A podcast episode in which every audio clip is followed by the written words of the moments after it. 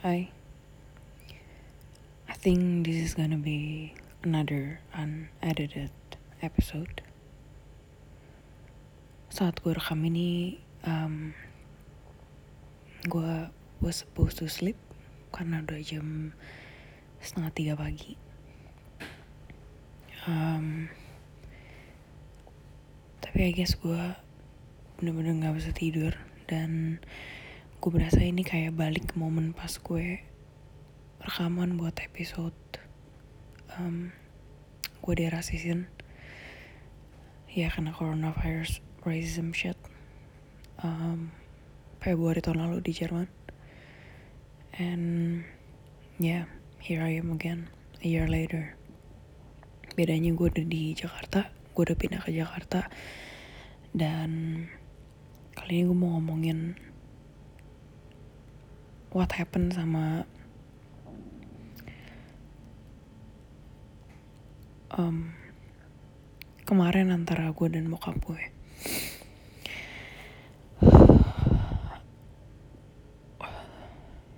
Um,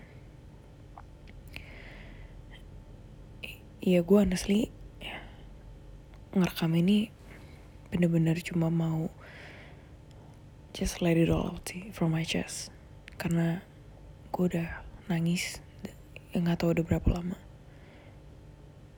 Gue mencoba untuk merasionalisasi semua yang bokap gue tadi omongin ke gue which I'm gonna tell you after this tentang apa. Tapi ya yeah, gue want to let it out dari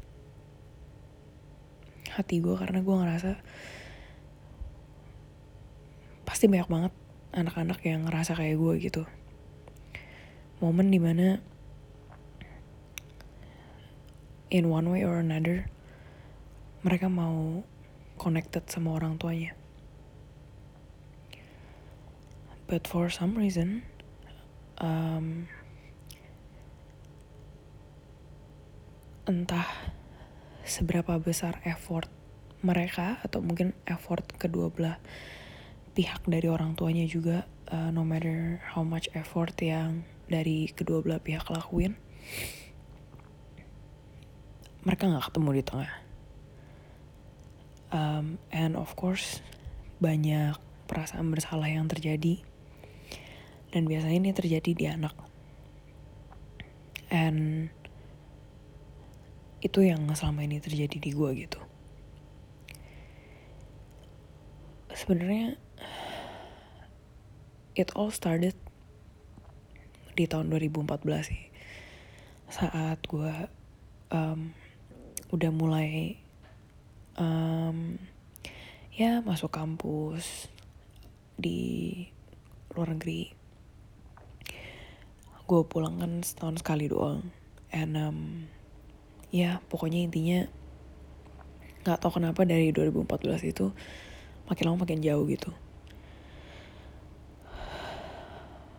pasti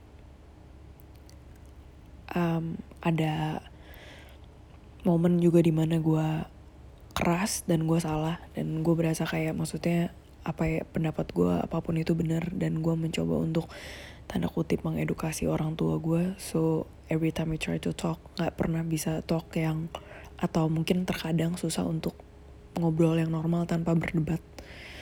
Tapi on top of that juga dari orang tua gue gue notice um, ya hubungan mereka juga nggak sehat gitu. Um, dan makin lama gue gede makin lama gue ngelihat banyak contoh dan ketemu banyak orang gue makin oh sorry plus juga semakin mental health awareness gue uh, ada gitu ya muncul. Gue baru nyadar bahwa banyak hal-hal yang terjadi itu karena ya part of it dari dinamik keluarga gue yang sayangnya antara papa mama gue nggak sehat gitu. I know every family um, has a problem, tapi just to let you know that's what happened to me. Um, singkat cerita, semakin gue gede, gue semakin um, mungkin berpegang teguh pada prinsip gue gitu. Uh, dan salah satunya adalah gue nggak mau punya anak. Uh, di sini gue nggak mau jelasin kenapa. Karena uh, it's not the point of this recording. Tapi intinya menurut gue prinsip apa pun itu termasuk prinsip yang gue buat untuk diri gue sendiri plus agreement yang terjadi antara gue dan semua suami gue itu urusan gue dan sore ini atau sore kemarin nih gue recordnya hari ini hari minggu subuh. Uh, sabtu. Um, bokap gue bahas soal itu. Soal kenapa gue nggak punya anak. Tapi mungkin sebelum kita cabut ke situ gue bakal ceritain backgroundnya jadi tadi gue udah mention bahwa semakin lama gue sama orang tua gue ya adalah makin lama berasa makin jauh. Tapi ada poin di mana gue ngerasa kok ini really affects my peacefulness ya. Gitu. Um, it really affects my mental health. Um, yang efek gue banget itu adalah di mana mereka selalu berantem dan selalu cari cara untuk bisa berantem I guess. Gue gak ngerti. Dan bukan cuma itu aja tapi ada beberapa hal confidential yang ya sayangnya ini masalah keluarga. Gue gak bisa ceritain detail tapi intinya ada posisi di mana gue ngerti maksud orang tua gue baik terutama papa gue gitu. Tapi cara menyampaikannya tuh salah banget di mata gue. But then dari orang tua nggak at least orang tua gue ngerasa ya bahwa ya gue mau gimana lagi? This is my way of trying to do your best for you. You should be grateful gitu.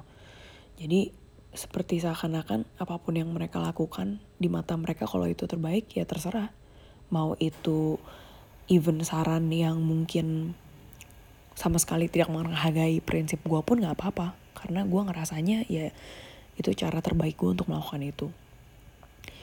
Nah, sebelum kejadian gue kemarin sama bokap, ada beberapa kejadian yang triggered me a lot. Yang makin lama tuh jadi poin di mana gila gue udah nggak bisa deh gitu. Gue udah nggak bisa karena gue ngerasanya gue tuh kayak termakan oleh dibikin selalu menjadi kayak apa ya tenggelam di rasa bersalah gitu loh. Like I don't have a say of anything. Karena ujung-ujungnya balik lagi ya mau gimana pun kan itu papa mama lo itu yang pertama ya kan? Kedua ya mau kayak gimana pun mau se inappropriate caranya mereka help lu um, mereka kan udah kuliahin lu ke luar negeri. Ya yeah, I know. Banyak banget pengorbanannya dan banyak banget duit yang keluar. And I should be grateful uh, dengan opportunity itu yang udah mereka buka. Tapi gue rasa ada masanya di mana gue juga punya gue juga manusia gitu loh. Kayak gue bukan dibatasi oleh sebuah label. Anak ke, anak paling kecil anak perempuan paling kecil um, bekas anak luar negeri. Udah ke barat-baratan I'm more than that label. On top of that gue tuh human.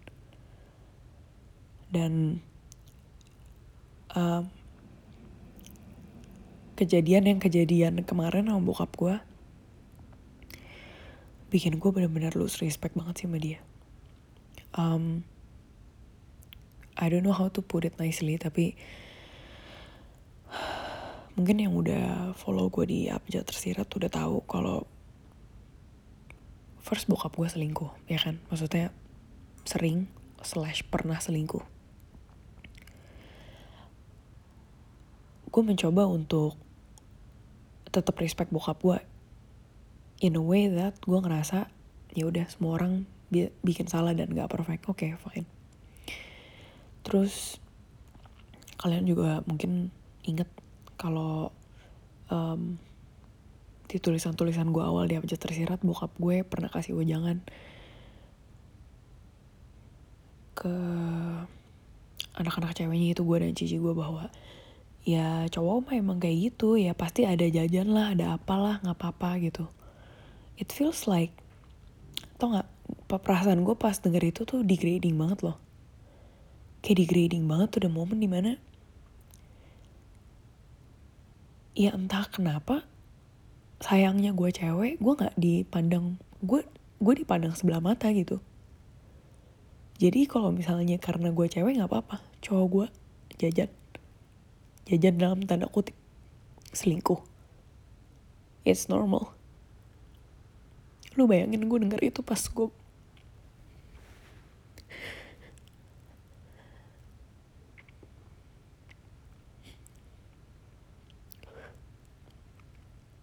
pas gue masih SMP atau SMA kali.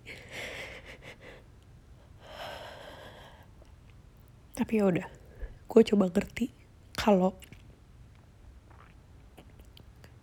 ya mungkin value dari generasi bokap gue yang dulu seperti itu ya mungkin gue masih coba terima gue yang udah sekolah ke luar negeri gue yang lebih pinter gue mesti coba terima kalau bokap gue emang anggap cewek kayak gitu. Ya udah nggak apa-apa. Sampai tadi.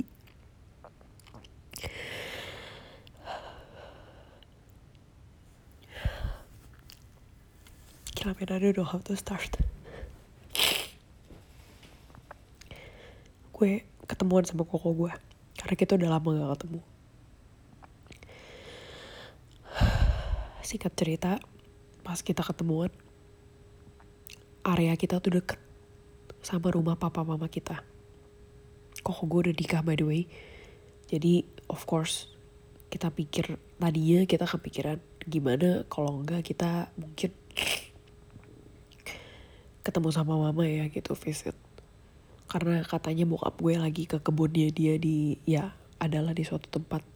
Dan um, ya udah kita mikir ya daripada dia lonely ya udah deh coba kita temenin gitu.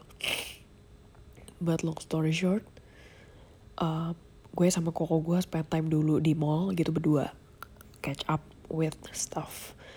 Dan kita baru keluar dari mall tuh setengah enaman sore gue udah coba telepon jokap gue berkali-kali gitu kan untuk kayak cek ada di rumah atau apa gitu kan. Ya nggak sopan juga lu tiba-tiba datang ke tempat orang kalau itu rumah orang tua lu. Koko gue juga udah coba telepon gak diangkat. Akhirnya tadinya koko gue udah bilang um, ya udahlah kita langsung cabut aja ke rumah lu gue anterin lu pulang. Tapi entah kenapa ya I guess gue tuh kayak ada I don't know. I I I, I can't even explain it tau. Tapi intinya gue seperti ada suatu perasaan bahwa kayaknya even though gue tahu gue punya masalah sama bokap gue bokap nyokap gue I need to at least prove them bahwa gue tuh anak yang walaupun udah di sekolah ke luar negeri or whatever gue tetap anak baik di mata mereka yang gue masih care gitu sama mereka. Karena gue juga lupa cerita backgroundnya by the way. Tapi intinya karena ada beberapa kejadian yang memutuskan gue untuk jaga jarak sama orang tua gue ya gue jarang telepon sama mereka. Gue jarang ketemu juga sama mereka. Plus it's pandem it's lagi pandemi kan. Jadi gue juga serem kalau ketemu tiap minggu. Tapi intinya ya gue mencoba jaga jarak gitu sama mereka but then at the same time gue berasa guilty karena gue berasa kalau mereka tiba-tiba mati mendadak gimana? Gitu loh. Gimana kalau ternyata selama ini gue salah and it's just like misunderstanding on my part. Gimana kalau misalnya cuma perlu guanya aja yang lebih sabar let's say. Jadi gue selalu berusaha untuk mikir apa ya give benefit of the doubt gitu tentang hubungan gue sama orang tua gue. Makanya akhirnya uh, dan koko gue by the way udah tahu hal ini. Pas kita lagi ngobrol di mall gue bahas ini dan gue bilang sama koko gue gue sempet mention tadi gue bilang gila sebenarnya malas juga ya kalau udah good vibe kayak gini terus ke papa mama. Aku bilang ke rumah papa mama aduh pasti dengerin dia orang berantem lagi apa lagi gitu gitu lah ya. Tapi dia akhirnya um, koko gue deh yang bilang udah yuk udah pulang aja deh. Tapi gue yang langsung ngomong kok jangan deh kita ke papa mama dulu mampir gue bilang. Lagian juga mama kayaknya ya lu lumayan seneng kalau lu dateng gitu loh. Ya udah kita datang akhirnya gue beli roti and whatever. Mikirnya emang bener-bener cuma bentar cuma drop makanan. Uh, terus gue sama koko datang di sana tiba-tiba bokap gue udah di rumahnya karena tadi gue udah bilang kan bokap gue itu lagi ke kebun gitu yang cukup jauh dari Jakarta. Jadi gue pikir oh mungkin uh, bokap gue ternyata nggak nginep gitu pulang hari.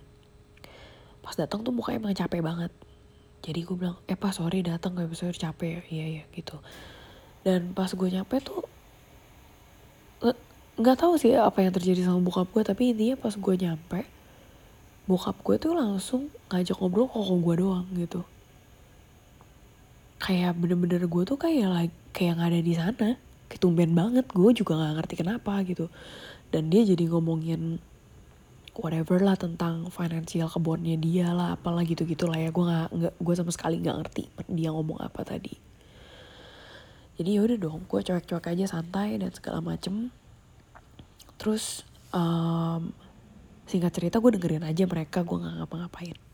Sampai akhirnya obrolannya selesai dan turn out ternyata nyokap gue nggak ada di rumah karena nyokap gue lagi pergi sama koko gue yang satu lagi. Jadi ya udah nggak apa-apa gitu kan. Um, berarti cuma ada bokap gue doang gitu. Terus um, koko gue intinya sekali lagi it's confidential. Tapi koko gue uh, memberitakan suatu kabar baik intinya itu. Um, terus bokap gue bilang oh ya bagus bagus bagus gitu kan terus entah gimana ceritanya gitu ya. Entah gimana ceritanya it it just happen so fast dan unexpected I guess kayak otak gue sampai detik ini masih belum bisa mencerna. Tiba-tiba bokap gue ngeliat ke gue terus kayak marah gitu. Kayak bukan marah ya. Kayak lo tau gak sih muka orang atau body language orang gregetan gitu? Terus berdiri habis itu ngeliat gue terus nunjuk koko gue. Ini mumpung ada koko kamu ya di sini papa ngomong nih sekarang. Gue kaget dong. Hah kenapa ya kayak gue salah apa gitu kan? Terus bokap gue duduk tarik bangku ke deket gue gitu lebih dekat ke arah gue. Terus nunjuk gue terus sambil body apa gesturnya tuh kayak orang mau ngeinterogasi lu yang kayak tau kan tangan siku lu tuh dipangku di lutut gitu terus kayak mencondongkan badannya ke lu gitu. Gue bingung nih gue salah apaan gitu. Tiba-tiba dia ngomong gini cing papa mau nanya ya sekarang ke lu. Kenapa sih lu mesti nahan-nahan? Gue bingung nahan-nahan apaan? Terus bokap gue bilang kenapa sih lu tuh mesti nahan-nahan punya anak sama si Albert not even punya anak malah ngomong nahan-nahan sama Albert itu doang dan gue langsung ngerti anjing ini ngomongin soal punya anak gitu kan gue gue capek banget karena masalah itu udah pernah dibahas. Gue pernah ribut sama bokap gue dan gue udah ngomongin itu dua tahun yang lalu atau tiga tahun yang lalu pas gue masih di Spanyol. Bokap gue masih gak ngerti dan gue pikir bokap gue tuh udah ngerti karena selama ini gue datang berkali-kali ke rumahnya dia dia tuh diem dan gak pernah bahas itu saat dia lagi personally sama gue. Gue gak ngerti gimana ceritanya dan kenapa dan apa yang tick off dia gue gak ngerti. Kenapa saat tiba-tiba koko gue ada dia langsung kayak gitu? Gue gak ngerti. Beneran. Gue langsung kayak hah? Terus dia langsung started preaching gue langsung ngomong ya lo tau kan um, ini tuh masalahnya iya terus oh sorry sorry sebelum sebelum itu ya gue pikir ini kayak is this a fucking joke gue ditanyain kayak gitu kayak You don't even ask me gue makan apa tadi di luar, anjir. Kayak what the fuck. Terus gue langsung, hah? Terus dia diem loh, bener-bener diem nunggu gue dapat jawaban. Gue ya jawab lah mau gak mau. Gue kayak, yang bener. Gue akhirnya cuma ngomong gini, gue gak tau ya pak. Itu pilihan gue sama Albert, gue bilang. Kita emang gak mau punya anak dan menurut gue ya itu pilihan gue sama Albert kita gak mau punya anak that's it terus bokap gue langsung preach gue ya tapi ini cuma kasih tahu ya buat kamu ini buat kebaikan kamu gitu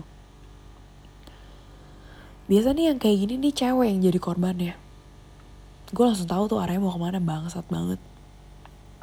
Dia bilang cewek yang jadi korbannya dan kamu tahu nggak? Cewek tuh kalau kalau misalnya nggak uh, kalau misalnya nggak cowok nah sorry sorry. Gue ulang ya gue ulang gue ulang.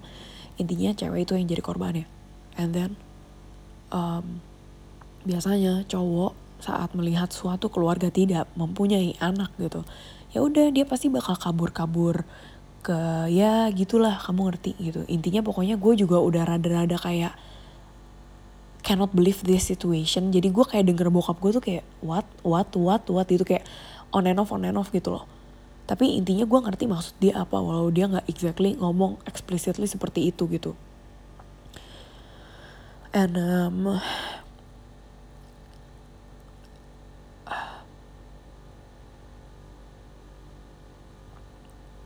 gue langsung ke trigger dari apa yang gue cerita di awal kakak ke ke episode ini gitu bahwa ini lagi-lagi ujung-ujungnya kayak melihat perempuan bener-bener kayak objek anjing kayak lu pikir jadi uh, Enggak sih, gue rasa not even bokap gue mikir kayak gitu. Gue gua, gua tadinya mau ngebawa tentang gender equality shit gitu ya. Enggak sih, not even bokap gue mikir gitu. Jadi gue juga udah capek. Gue gue gue gue cuma bisa speechless gitu. Like in in his mind ya gue do you good nih? Gue tuh give you advice yang bagus nih. Karena ya emang begini society kita gitu. Aduh not even society lah bokap gue tahu apa sih society gitu. Ya cuma mikirnya kalau misalnya cewek mau cowok ya pasti punya anak dan ya kalau misalnya cewek nggak punya anak ya cowoknya bakal kabur ke cewek lain. Fuck any girl gitu and it's my fault gitu. Kalau misalnya nggak ada itu. Gue langsung kayak are you fucking degrading my husband as well? Kayak lu pikir suami gue kayak lu gitu. Lu pikir suami gue kayak nggak ada dignity kayak lu. Gue langsung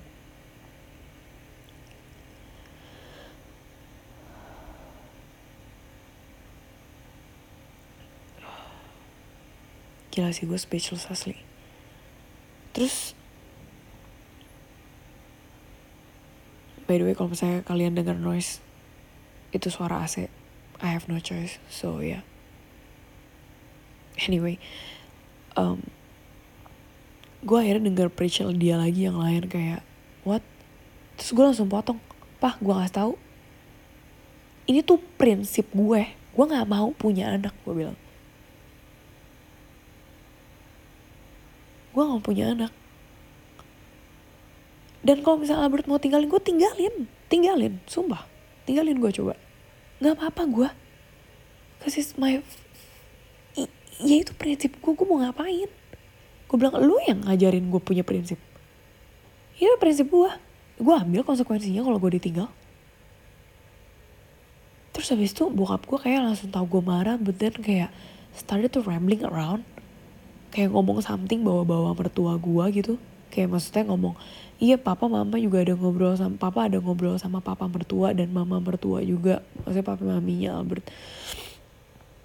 Dan ya intinya sih pokoknya ya nggak tahu ya gue juga tadi kayak gue bilang itu udah on and off kan. Cuma intinya dari perspektif koko gue adalah saat bokap gue ngomong itu koko gue tuh kayak nangkepnya ya sebenarnya sih papa udah tahu kayak lu pasti bakal marah kalau ngomongin ini gitu.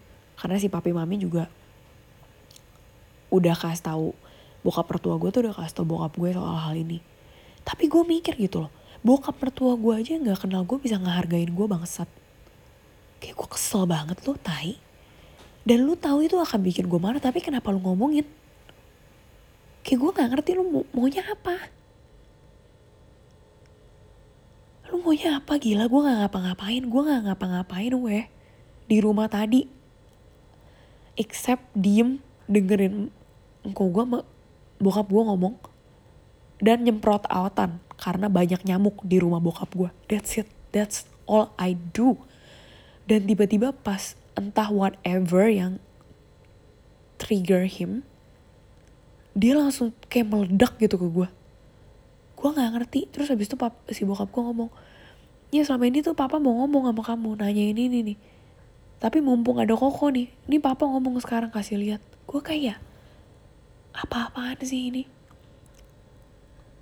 Terus gantian gue udah denger gue ngomong soal gue bodo amat kalau misalnya ditinggal baru langsung bokap gue bilang tapi ya itu mah dari 10 cowok ya tiga cowok lah ya nggak bakal kayak gitu ya paling apa gue udah gak tau honestly gue udah on udah udah sorry gue udah off. Kayak udah otak gue tuh udah ngawang-ngawang kayak gila men gue cannot believe this shit gitu singkat cerita kalau gue akhirnya decided untuk kita pulang. Kayak udah ya udah pulang dulu ya pak. Bye gitu. Langsung menyelamatkan gue dari situasi itu. Sekarang gue cuma mau kasih tahu keadaan gue. After that gue dari jam 10 technically nangis 2 jam. Mencoba untuk distract diri gue karena gue capek dengan nonton Breaking Bad for like 2 hours or 3 hours I don't know um, terus gue tetap gak bisa tidur. And here I am now. Gue tetap masih cannot believe it. Pertama ya, apa yang gue rasain adalah saat gue denger bokap gue ngomong kayak gitu, gue ngerasa kayak seriously, seriously lu cuma ngelihat gue dari itu doang, dari anak. Despite of lu, ya despite lu ngomong ini buat kebaikan gue gitu loh. Karena biasa cewek yang jadi korban tanda kutip. Kedua banyak hal yang numpuk numpuk numpuk numpuk numpuk yang seperti gue udah bilang ada beberapa hal confidential gue gak bisa ceritain. Tapi intinya on my side gue udah try my best untuk respect lo gitu loh as my father tapi itu kenapa? Lu tadi itu kenapa? Kejadian apa sih? Gue nggak tahu. Are you on fucking drugs? Kayak gue nggak ngerti. Gue nggak ngerti apa yang kenapa tiba-tiba bokap gue kayak gitu? Gue nggak ngerti. Dan lu tau gak sih? Gue tuh langsung kayak berasa goblok banget. Gue blaming myself so bad di awal-awal. Karena gue mikir kayak gue tolol banget. I should have known this. Kayak gue should have known that this gonna happen kayak kenapa gitu kenapa gue tetap kayak mau trying so hard to prove bahwa nggak gue pasti bisa hubungan sama bokap nyokap gue baik-baik aja kayak why why Gila gue tadi marah banget loh sama diri gue asli. Selain marah sama bokap gue. And then now it comes to the point di mana gue nyadar.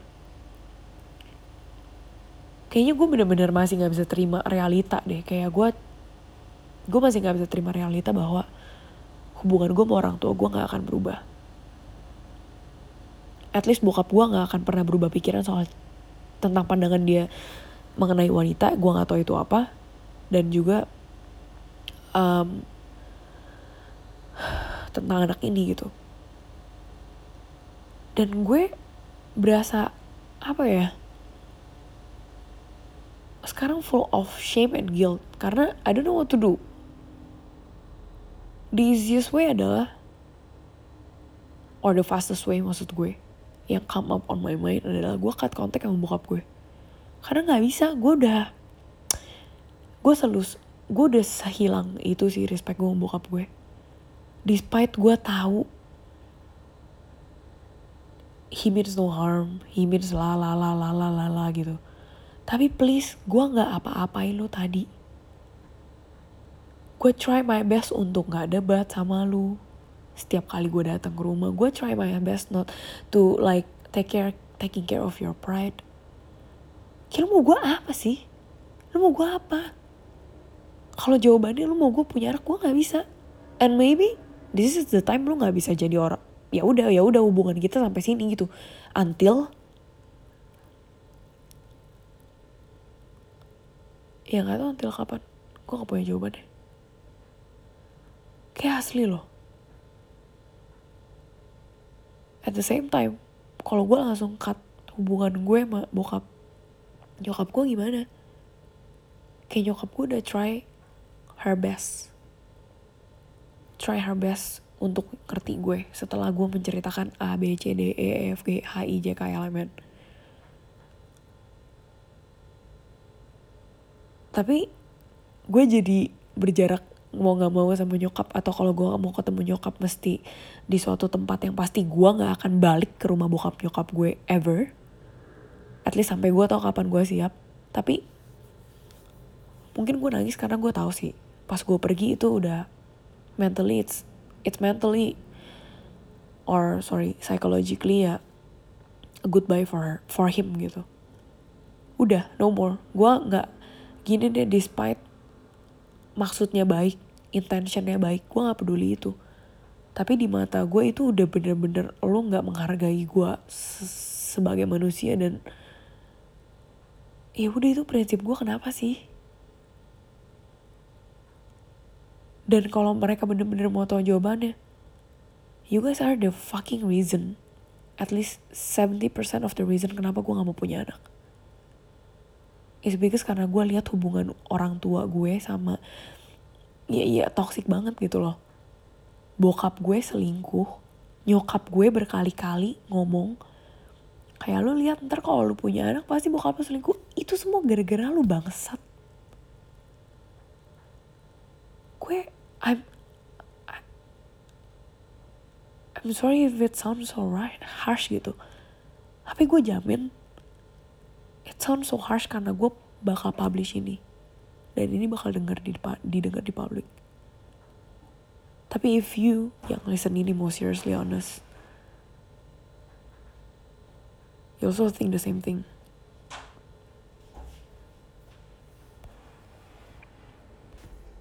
Anyway gue lupa tadi gue ngomong ke mana karena gue resume soalnya mertua gue tadi keluar dari kamar mau ke toilet and so I need to stop rekaman sebentar but my point is. Mungkin untuk diri gue of course kalau dengerin ini in the future or maybe tomorrow or maybe I don't know when gue cuma mau bilang bahwa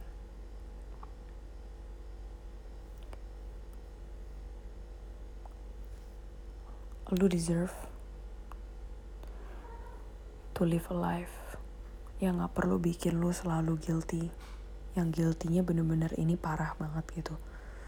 Lu gak perlu live a life di mana lu ngerasa lu mesti proof ke orang tua lu bahwa ya lu bisa jadi seperti apa yang mereka harapkan gitu. By the way ini suara heboh ya karena ada kucing gue I'm sorry. Ini gue sambil nyayangin kucing gue but then anyway ya udah gitu. Udah effort gue udah selesai gue udah gak tau mau stretch diri gue sampai sejauh apa lagi. I tried my best I tried my best. Yang gue bisa tanpa perlu mengubah diri gue tanpa perlu maksudnya bukan mengubah diri gue tapi mengu tanpa perlu mengubah prinsip gue gitu. Prinsip tuh gak bisa diubah cuy namanya juga prinsip gitu. But then kalau misalnya dari pihak bokap gue at least berasa itu oke okay, dan dia nggak bisa berubah ya udah. I think I need to ya udah angkat tangan gitu. Dan gue nggak tahu harus harus apa gue nggak tahu. Tapi for sure kedatangan gue tadi ke rumah orang tua orang tua gue that's gonna be my last visit. That's gonna be my last visit sumpah. Gue bakalan gue gak bakal nginjek ke rumah lagi sih that's for sure. It is what happened yesterday yang bokap gue it was a traumatic event buat gue dan gue ngerti this sounds so dramatizing dan gue gak akan say sorry for feeling that. Tapi untuk lo yang dengerin ini dan lo punya kasus sama orang tua lo seperti ini you understand what I mean. Um, soal apakah gue akan kontak bokap eh cut kontak sama bokap atau enggak I don't know. I'm sure secara praktek hari ke harinya nggak segampang apa yang diomongin. There's gonna be a lot of preparation untuk disalahkan orang dibikin merasa bersalah sama siblings mungkin dibikin merasa bersalah sama society orang sekitar yang tahu ini I don't know. Tapi intinya for sure gue nggak akan pernah initiate any conversation with my dad. Cause that's already my limit. Gue udah try my best untuk coba jelasin sebisa gue tiga tahun yang lalu and it still happen ya udah gitu maksud gue. That's it. Gue nggak ya yeah, I'm really sure gue bakal stop initiating any conversation sama bokap. Tapi kalau bokap gue contact for whatever ya kirim foto kucing atau anjing. Well maybe gue respon seadanya. Kalau sama nyokap gue ya I don't know. Um, gue tahu nyokap gue nggak ada urusan sama ini dan dia udah ngerti pihak gue. Tapi kalau gue mau ketemu nyokap gue nggak akan gue ke rumah dia. Gitu. That's all I know. Um,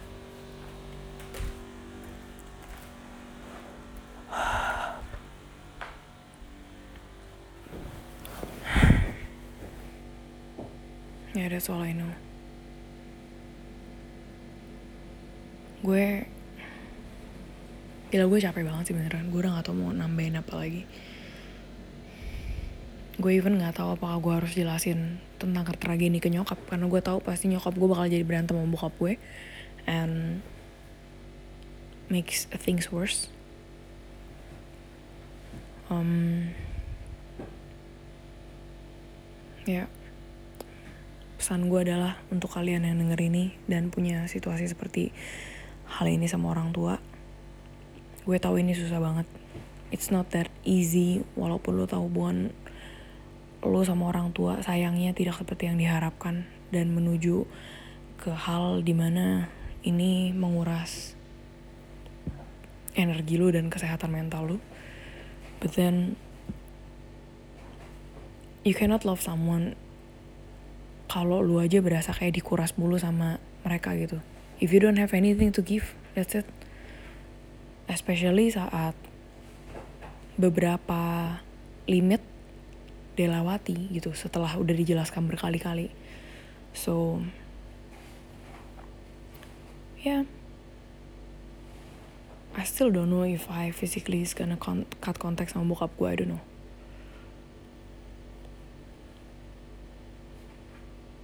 tapi psychologically yep for sure.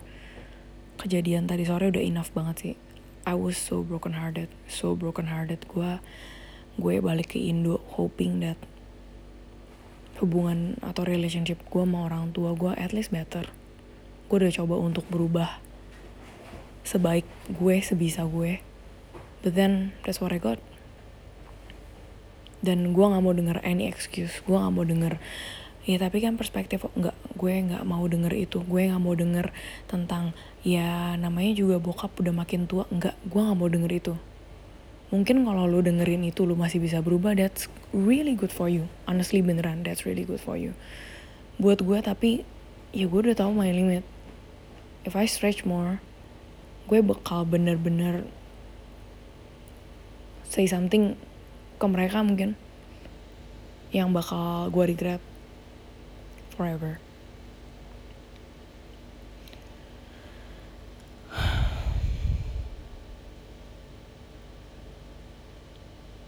Kalau lu denger ini sampai habis, dan maybe kita punya pendapat yang beda, I'm gonna appreciate it if you respect my story. Lu gak perlu agree with it, but just respect and try to understand the situation. Dan kalau lu mungkin lagi struggle sama hal ini um, ya yeah, feel free to share your experience and your journey.